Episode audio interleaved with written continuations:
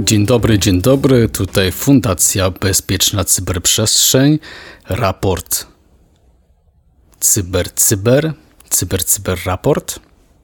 Przy mikrofonie Piotr Kępski i Kamil Gapiński. Właśnie my dzisiaj wracamy po krótkiej przerwie związanej z feriami.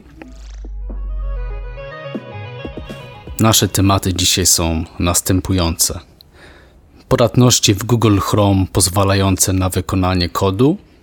Firma Cisco publikuje zalecenia bezpieczeństwa dla wielu swoich produktów oraz Komisja Europejska zakazuje TikToka na urządzeniach komercyjnych. Kontynuacja dramy z LastPassem. Wiadomo, że chodzi o wyciek. No i aktywna środa będzie, czyli e, Rada Ministrów przyjęła projekt ustawy o M-Obywatelu. Bank ING wprowadza klucze U2TF e, dla swoich klientów oraz rządowa agencja USA została zhakowana. W czwartek znaleźliśmy temat o e, nowej narodowej strategii cyberbezpieczeństwa w USA. A dziś też było aktywnie. Mamy doniesienia o podatności API w Booking.com e, oraz szyfrowanie po stronie klienta Gmail jest już publicznie dostępne dla wszystkich. W Google Chrome wykryto wiele podatności. Wykorzystanie najpoważniejszych z nich może pozwolić na e, wykonanie dowolnego kodu, jeśli użytkownik jest e, zalogowany. W zależności właśnie od tych uprawnień atakujący może następnie tak, w tym e, procesie ataku instalować programy, przeglądać, zmieniać lub usuwać dane, utworzyć konto dla nowego użytkownika. Podatne wersje przeglądarki Google Chrome, tutaj oczywiście e, nie zapamiętacie na pewno całych wersji, bo są one długie, ale dla systemu Windows to będą te e, wcześniejsze niż te z końcówką 177/178, a dla Maców i Linuxów chodzi o te z końcówką wersji 177. No i tutaj tych e, wykrytych podatności jest sporo, one mają jakby różne poziomy krytyczności w zależności od tego, oczywiście, co można e, zrobić przy ich eksploitacji. Między innymi są to CVE o końcówce 0941, 0927 e, i 0928. I cóż, to jest taki alert, ostrzeżenie, powiadomienie dla osób, dla administratorów, użytkowników, którzy właśnie no, z tych systemów tutaj, e, z tego programowania korzystają. Zdecydowanie warto łatać, ale chyba o y, podatnościach y, to dziś nie wszystko, bo następny temat również. Tak, też podatności to, to chodliwy temat ostatnimi czasy. Firma Cisco opublikowała zalecenia bezpieczeństwa dla wielu swoich produktów. Za chwilkę o nich troszeczkę opowiem. Mm, otóż y, podatności te no, mogą zostać wykorzystane przez atakujących również zdalnie i niektóre z nich mogą zostać użyte do przejęcia kontroli nad podatnym systemem. Firma rekomenduje administratorom i użytkownikom swoich produktów zapoznanie się z alertami i e, tymi właśnie rekomendacjami oraz niezwłoczną aktualizację podatnego oprogramowania, czy to firmware'ów, czy to oprogramowania Najgroźniejsze z podatności e, e, znajdują się e, w kilku produktach. Tutaj mowa o Cisco Application Policy Infrastructure Controller oraz o Cisco Cloud Network Controller. I tutaj mamy podatność o nazwie Cross-Site Request Forgery. Jeśli chodzi o inne produkty, to mamy tutaj Cisco Nexus 9000, Fabric Switches i tutaj w ACI Mode Link Layer mamy podatność Discovery Protocol Memory Leak, Denial of Service, e, a w rozwiązaniu Cisco KLAMAW e, HFS plus Partition Scanning Buffer Overflow Vulnerability i tutaj E, to są te najbardziej krytyczne, one mają wysoki ranking CVSS. Jest też masa mm, podatności zaadresowanych o niższym poziomie mm, krytyczności. E, tutaj szczegóły możecie odnaleźć na stronie Cisco Security Advisories. E, no ale to nie jedyny news z poniedziałku. Myślę, że drugi jest też istotny, choć podatności nie dotyczy. Mm, tutaj idąc chyba w ślady za Stanami Zjednoczonymi, Komisja Europejska zakazała na urządzeniach korporacyjnych instalowania aplikacji TikTok. E, również ten zakaz objął urządzenia e, osobiste, e, które są zarejestrowane, zarejestrowane w serwisie urządzeń mobilnych komisji. Czyli jeżeli ktoś z jej pracowników, jak podejrzewam, korzysta z prywatnego smartfona, to tutaj ten zakaz obejmuje również ta, także i to urządzenie i posunięcie to ma na celu, jak mówi sama komisja, mm, ochronę komisji przed zagrożeniami cyberbezpieczeństwa. E, a działanie to jest zgodne z wewnętrznymi politykami e, Komisji w zakresie bezpieczeństwa cybernetycznego dotyczącymi korzystania z urządzeń mobilnych do komunikacji związanej z pracą. W e, zależności od firmy to pewnie będzie można albo wymusić, albo po prostu w polityce zakazać, tak? No dokładnie tak. I to chyba taki trend, który był ostatnio zresztą dość mocno dyskutowany i to nawet chyba w mainstreamowych mediach, E, cóż, komisja zapowiedziała także, że będzie monitorować zmiany w zakresie bezpieczeństwa innych platform mediów społecznościowych, więc być może tutaj e, też w przyszłości pojawią się jakieś regulacje dotyczące innych e, aplikacji dość popularnych w codziennym użytkowaniu na naszych telefonach. Któż to wie, ale tym samym dobrnęliśmy do wtorku, a tutaj mówiłeś, że jakieś incydenty były związane z pewną platformą związaną z kryptografią, czy tak, też z przechowywaniem tak. różnego rodzaju haseł. Tak, e, kontynuacja dramy z LastPassem, gdyż e, chyba niespełna miesiąc temu mówiliśmy o kolejnym incydencie właśnie związanym z LastPassem, e, gdzie kredensiale, które zostały skompromitowane w ataku na tę firmę w zeszłym roku, no zostały znowu wykorzystane w firmie trzeciej. No i ponownie mamy podobn podobną sytuację. Aby dokonać włamania tutaj tym razem za pośrednictwem tych skradzionych kredensiali, przeciwnicy zaatakowali komputer domowy należący do jednego z czterech inżynierów DevOps w LastPass.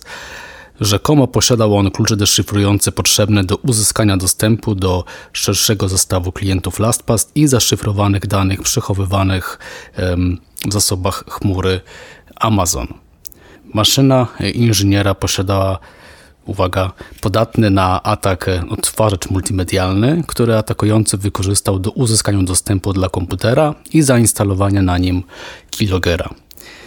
Cóż, e, no ewidentnie jest to atak ukierunkowany, przemyślany, no bo mm, żeby zidentyfikować taką usługę podatną, program w tym przypadku, no to trzeba jakiś rekonesans e, zrobić, trzeba wiedzieć, co się znajduje na tym komputerze. Złośliwe oprogramowanie ostatecznie umożliwiło cyberprzestępcy uzyskanie dostępu do tak zwanego skarbca, czyli do tego, co nazywa LastPass Vaultem i e, wyeksportowano klucze deszyfrujące potrzebne do uzyskania dostępu do produkcyjnych kopii zapasowych e, e, tego, co się właśnie w chmurze znajduje. No i to jest, to jest informacja, którą podał sam LastPass. Atakujący miał dostęp do szerokiego zakresu danych. Mm, w tym danych magazynu haseł, jak możemy w tej informacji przeczytać. Dane kopii zapasowej obejmowały informacje o konfiguracji, tajny interfejs API, metadane klientów oraz kopie zapasowe wszystkich danych w skarbcu.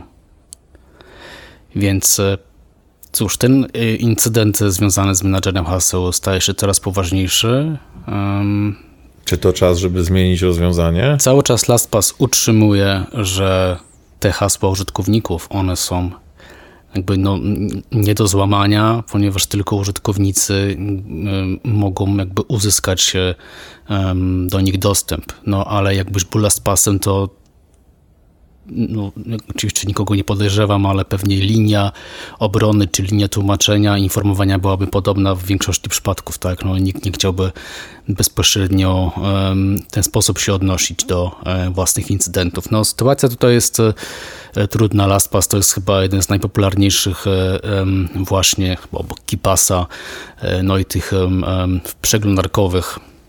Jest to jedno z najpopularniejszych rozwiązań tego typu. No i jakby przejście z jednego menadżera do drugiego, no to też może być udręką w wielu przypadkach. No proste to na pewno nie jest. W szczególności jak się jest bardzo e, aktywnym i aktywnie korzysta się e, z, e, z menadżera. No cóż, będziemy to nadal to obserwować, no ale drama jakby cały czas tutaj no, jest kontynuowana. Co było w środę? A, środa to był taki ciekawy dzień w ogóle. Zaczniemy może od takiej informacji. Ja w zasadzie mam do Ciebie takie drobne pytanie. Trochę przed naszym nagraniem też już na ten temat rozmawialiśmy. Obserwowałeś może wieczorne niebo w środę? Nie. No, nad Warszawą pojawiło się takie ciekawe zjawisko e, astronomiczne, można powiedzieć, ponieważ było to zjawisko astronomiczne. Pojawiły się dwie, dwa świecące punkty bardzo jasno na niebie, e, a była, była to koniunkcja planet Wenus i Owisza. Można było również cztery księżyce jednej z tych planet dostrzec, co prawda nie gołym okiem, ale przez jakąś lornetkę bądź e, lunetę. Bardzo ciekawe zjawisko. Natomiast w świecie cyber w środę też sporo się działo, bo mm, e, mainstreamowe media uderzyła wiadomość, iż Rada Ministrów przyjęła projekt ustawy o obywatelu. Otóż nowy cyfrowy, będzie to nowy cyfrowy do, e, dokument, który będzie powszechnie uznawany w urzędach, bankach i pozostałych instytucjach, które obecnie wymagają okazania dokumentu tożsamości. E, I obecnie obywatel e, i ten, ta cyfrowa wersja dowodu nie jest tam respektowana, natomiast e, w momencie, kiedy ta ustawa wejdzie w życie, nowy obywatel będzie już respektowany. W aplikacji pojawi się, zgodnie z zapowiedziami, tutaj Hmm, około 20 nowych usług, w tym m.in. e-płatności. Jak e, KPRM podkreśla, cyfrowy dokument tożsamości nie będzie dowodem osobistym w formie elektronicznej, ale będzie to nowy dokument, który e, funkcjonował będzie niezależnie od dowodu osobistego. I z, cyfrowego, z cyfrowego dokumentu tożsamości będzie można korzystać, no, no póki co jedynie w kraju naszym, tak? Czyli M-Obywatel nie jest dowodem osobistym wciąż? Nie, wciąż nie, nie jest i nie będzie. To będzie nowy dokument, będzie miał troszeczkę wyższą rangę, będzie szerzej akceptowany, no bo obecnie w tej chwili możecie, możecie z niego skorzystać, nie wiem, odbierając przesyłkę poleconą, czy też y, okazać w pociągu y, właśnie M-Obywatela jako dokument potwierdzający swoją tożsamość w przypadku zakupu biletów przez internet. Natomiast, Ale już konta w banku no nie, nie założymy nie, nie, nie. Nic w banku nie zrobisz, natomiast no, kiedy wejdzie w życie ta nowa ustawa, to już będzie to możliwe. Więc myślę, że improvement taki jest to jakby ułatwienie dla wszystkich. A w sferze bankowości pozostając kolejny, myślę też dobry news. Tutaj bank ING, zwłaszcza e, dobry news dla klientów banku ING, ponieważ tenże bank e, e, ogłosił, iż umożliwi swoim klientom już niedługo, bo na przełomie drugiego i trzeciego kwartału bieżącego roku, korzystanie ze sprzętowych kluczy zabezpieczających U2F, a ten skrócik pochodzi od Universal Second Factor w domyśle Authentication, czyli tak naprawdę umożliwi stosowanie klientom sprzętowych kluczy mm, drugiego stopnia uwierzytelniania. E, bank nie będzie dystrybuować tychże kluczy, więc sami będziecie musieli się potencjalnie, jeżeli jest, jesteście e, klientami tej instytucji, się w nie zaopatrzyć. E, natomiast umożliwi rejestrowanie tychże kluczy, które posiadacie w aplikacji Moje ING oraz Moje ING Mobile. To chyba też krok w dobrym kierunku. E, bo wszędzie możemy słyszeć, iż to najlepsze zabezpieczenie przed wszelkiego rodzaju e, phishingami i, i kradzieżą właśnie danych uwierzytelniających. Czyli taki klucz na przykład e, USB, tak? Tak, to jest takie klucze USB, NFC też są takie, bądź też na złącza USB-C, bądź Apple E, też, e, to się Lightning chyba nazywa, nie jestem e, fanem jabłuszek, ale no, koszt tych kluczy nie jest też jakiś bardzo wysoki, więc... No myślę, nie jest też niski. Niski nie też tak, nie jest, tak. to nie jest, prawda, taki zakup, że idziemy sobie gdzieś tam do mm, jakiegoś dyskontu i kupujemy, natomiast no, stają się one coraz bardziej dostępne.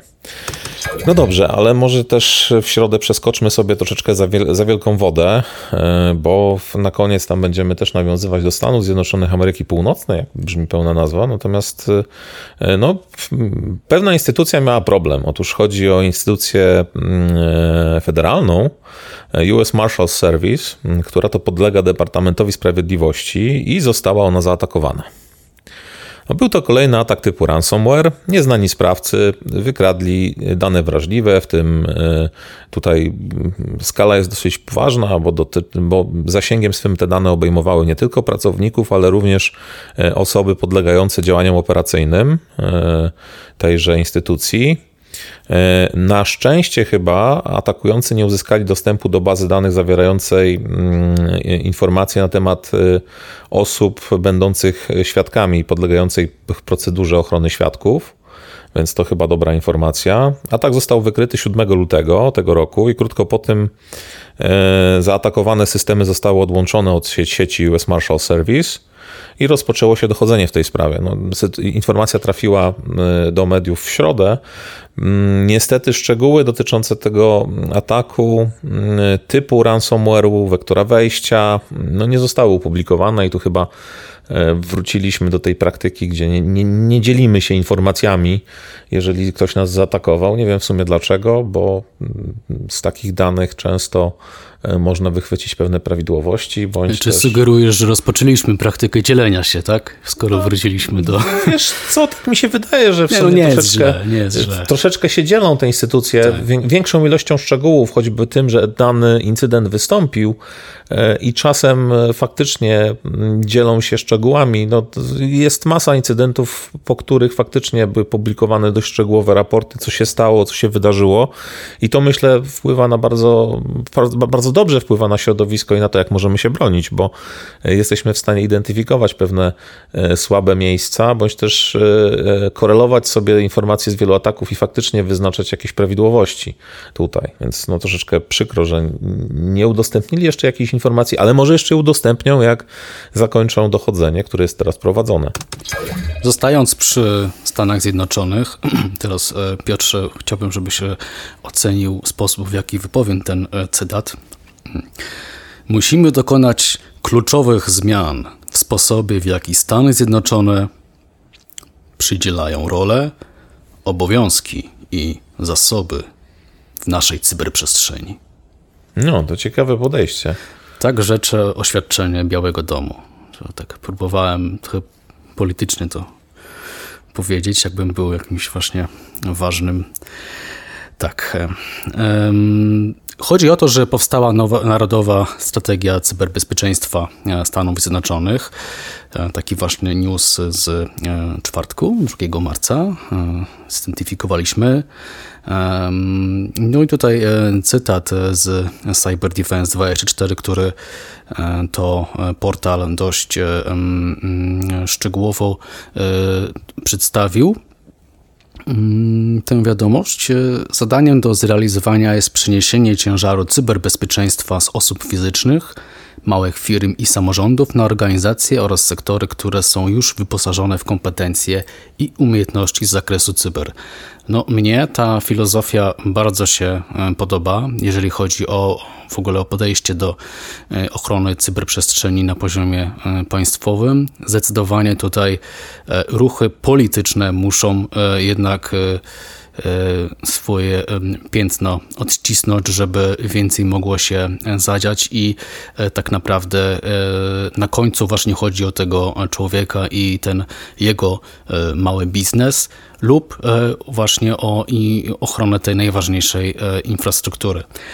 E, o infrastrukturze e, mówiąc, no to jakby na pierwszym miejscu e, w celach, które ta strategia sobie tutaj zaprezentowała, jest właśnie ochrona infrastruktury krytycznej. Na drugim miejscu, czy jakby drugi punkt tych, tych celów to jest zakłócenie działalności i zlikwidowanie podmiotów, które stanowią zagrożenie.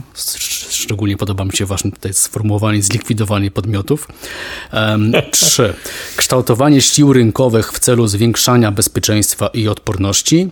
inwestowanie w stabilną przyszłość, nawiązywanie międzynarodowych partnerstw w celu realizacji wspólnych celów. No chodzi oczywiście o, o cyberbezpieczeństwo. No i te jakby międzynarodowe działanie jak najbardziej też e, wpisuje się e, do tego, że dużo jest e, inicjatyw na poziomie czy to chociażby NATO, czy teraz w kontekście wojny w Ukrainie i jakby no wsparcia dla Ukrainy, chociaż tutaj jeżeli chodzi o cyberprzestrzeń, to Ukraina świetnie sobie radzi. No nie tylko jeżeli chodzi o cyberprzestrzeń, bo w pozostałych domenach jak najbardziej również.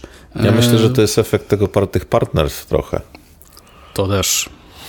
I ten tutaj no, jakby nie do przecenienia pewnie jest e, e, stopień tego e, jakby wzmacniania rekonesansu dzięki temu tym partnerstwom. Chociaż to właściwy temat na osobną całą rozmowę o, o, o cyberkonflikcie, który ma miejsce. No bo już kończąc ten wątek, wydaje się, że cały ten jakby mm, mm cały cyberkonflikt i jako część konfliktu i, i, wojny, no jakby przyczyniły się do tego, że taka nowa narodowa strategia cyberbezpieczeństwa um, powstała. Y, to jest tylko taka zajawka, będziemy um, o tym mówić y, i na części pierwsze tutaj um, rozbierać, analizować strategię w osobnym naszym podcaście procesowym, e, na który Was już dzisiaj e, zapraszamy. E, premiera za około dwa tygodnie. Mm, no i cóż, zbliżamy się do piątku i kolejnej podatności. Dobrze czytam? Tak, podatności. Powiedz mi, Kamil, no zdarza nam się podróżować, tak? I, i na urlopy sobie jeździmy i służbowo z Booking.com korzystałeś? Pomidor pomidor, nie powiesz. Ja powiem, że korzystałem. Jakby nie promuję jakoś tej marki jakoś specjalnie, ale z wielu, z wielu serwisów podobnych korzystałem tak naprawdę. E, no i tutaj Booking.com, dość znany myślę portal, a podatność się trafiła i to taka poważna, bo pozwalała na pełne przejęcie konta użytkownika. E, a za wykryciem tej podatności stoi firma Salt Security, która tak naprawdę konkretnie odkryła mm, ją w implementacji funkcji logowania społecznościowego Open Authorization, to w skrócie takie OAuth. No, generalnie chodzi o to, że w ramach funkcjonowania tego mechanizmu możesz się zalogować do serwisu Booking.com, ale nie tylko do tego serwisu, z wykorzystaniem swojego konta z Facebooka na przykład. Bądź no to popularne oczywiście Dosyć rozwiązanie. popularne rozwiązanie, praktycznie rozniosło się niczym e, tak naprawdę jakiś no, no no biznesowo trend, i użytkowo tak jest to świetne. no UX-owo, tak. no. user experience świetny, nie musisz tworzyć kolejnego konta, autoryzujesz się poświadczeniami z innego serwisu. Mm, tutaj, jeśli chodzi o tę konkretną podatność, to zagrożeni byli użytkownicy serwisu właśnie logujący się za pomocą poświadczeń z Facebooka.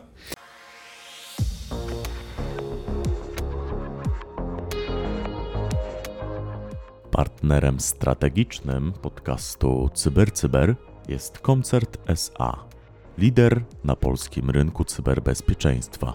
Sprawdź nas na www.koncert.pl. E, no i cóż, e, to przejęcie konta było możliwe poprzez manipulację poszczególnymi krokami sekwencji właśnie wykorzystania tego mechanizmu, no bo tam jest sekwencja zapytań, prawda, odpytowane są po kolei mm, serwisy, tam jest zapytanie, odpowiedź e, i mm, tutaj manipulując poszczególnymi krokami atakujący mógł uzyskać pełną kontrolę nad kontem wytypowanej ofiary. E, tak na dobrą sprawę, mm, po odkryciu e, tejże podatności, tutaj oczywiście sporo szczegółów technicznych możecie odnaleźć e, na stronach, na takim blogu technicznym dosyć mocno właśnie firmy Salt Security.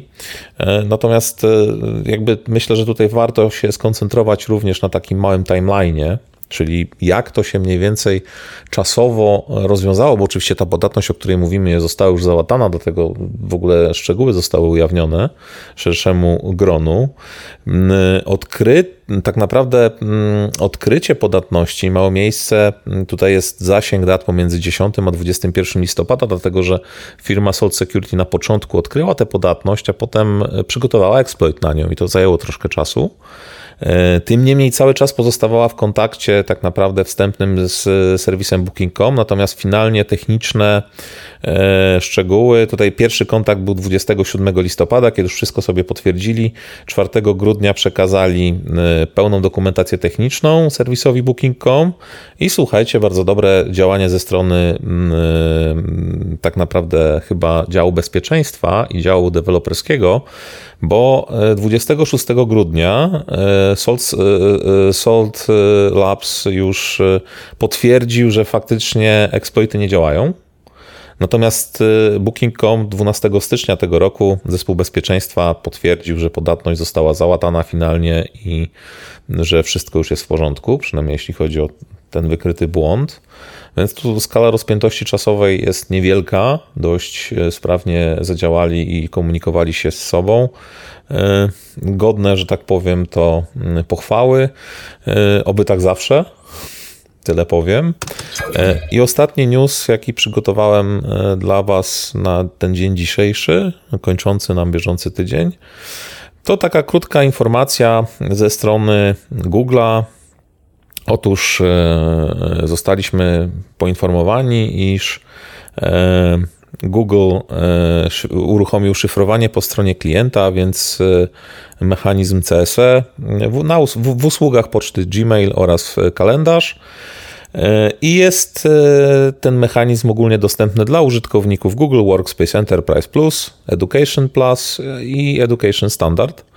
Tym samym to klienci tych usług mają pełną kontrolę nad tym, komu udostępniają dane, ponieważ e, trafiają one w momencie wysłania na serwery firmy Google już w postaci zaszyfrowanej, czyli tak naprawdę ten gigant e, już nie ma wglądu w to, co przepływa przez Gmaila, czy też jest e, zapisywane w kalendarzu, jeżeli ktoś zaszyfruje tę wiadomość po swojej stronie.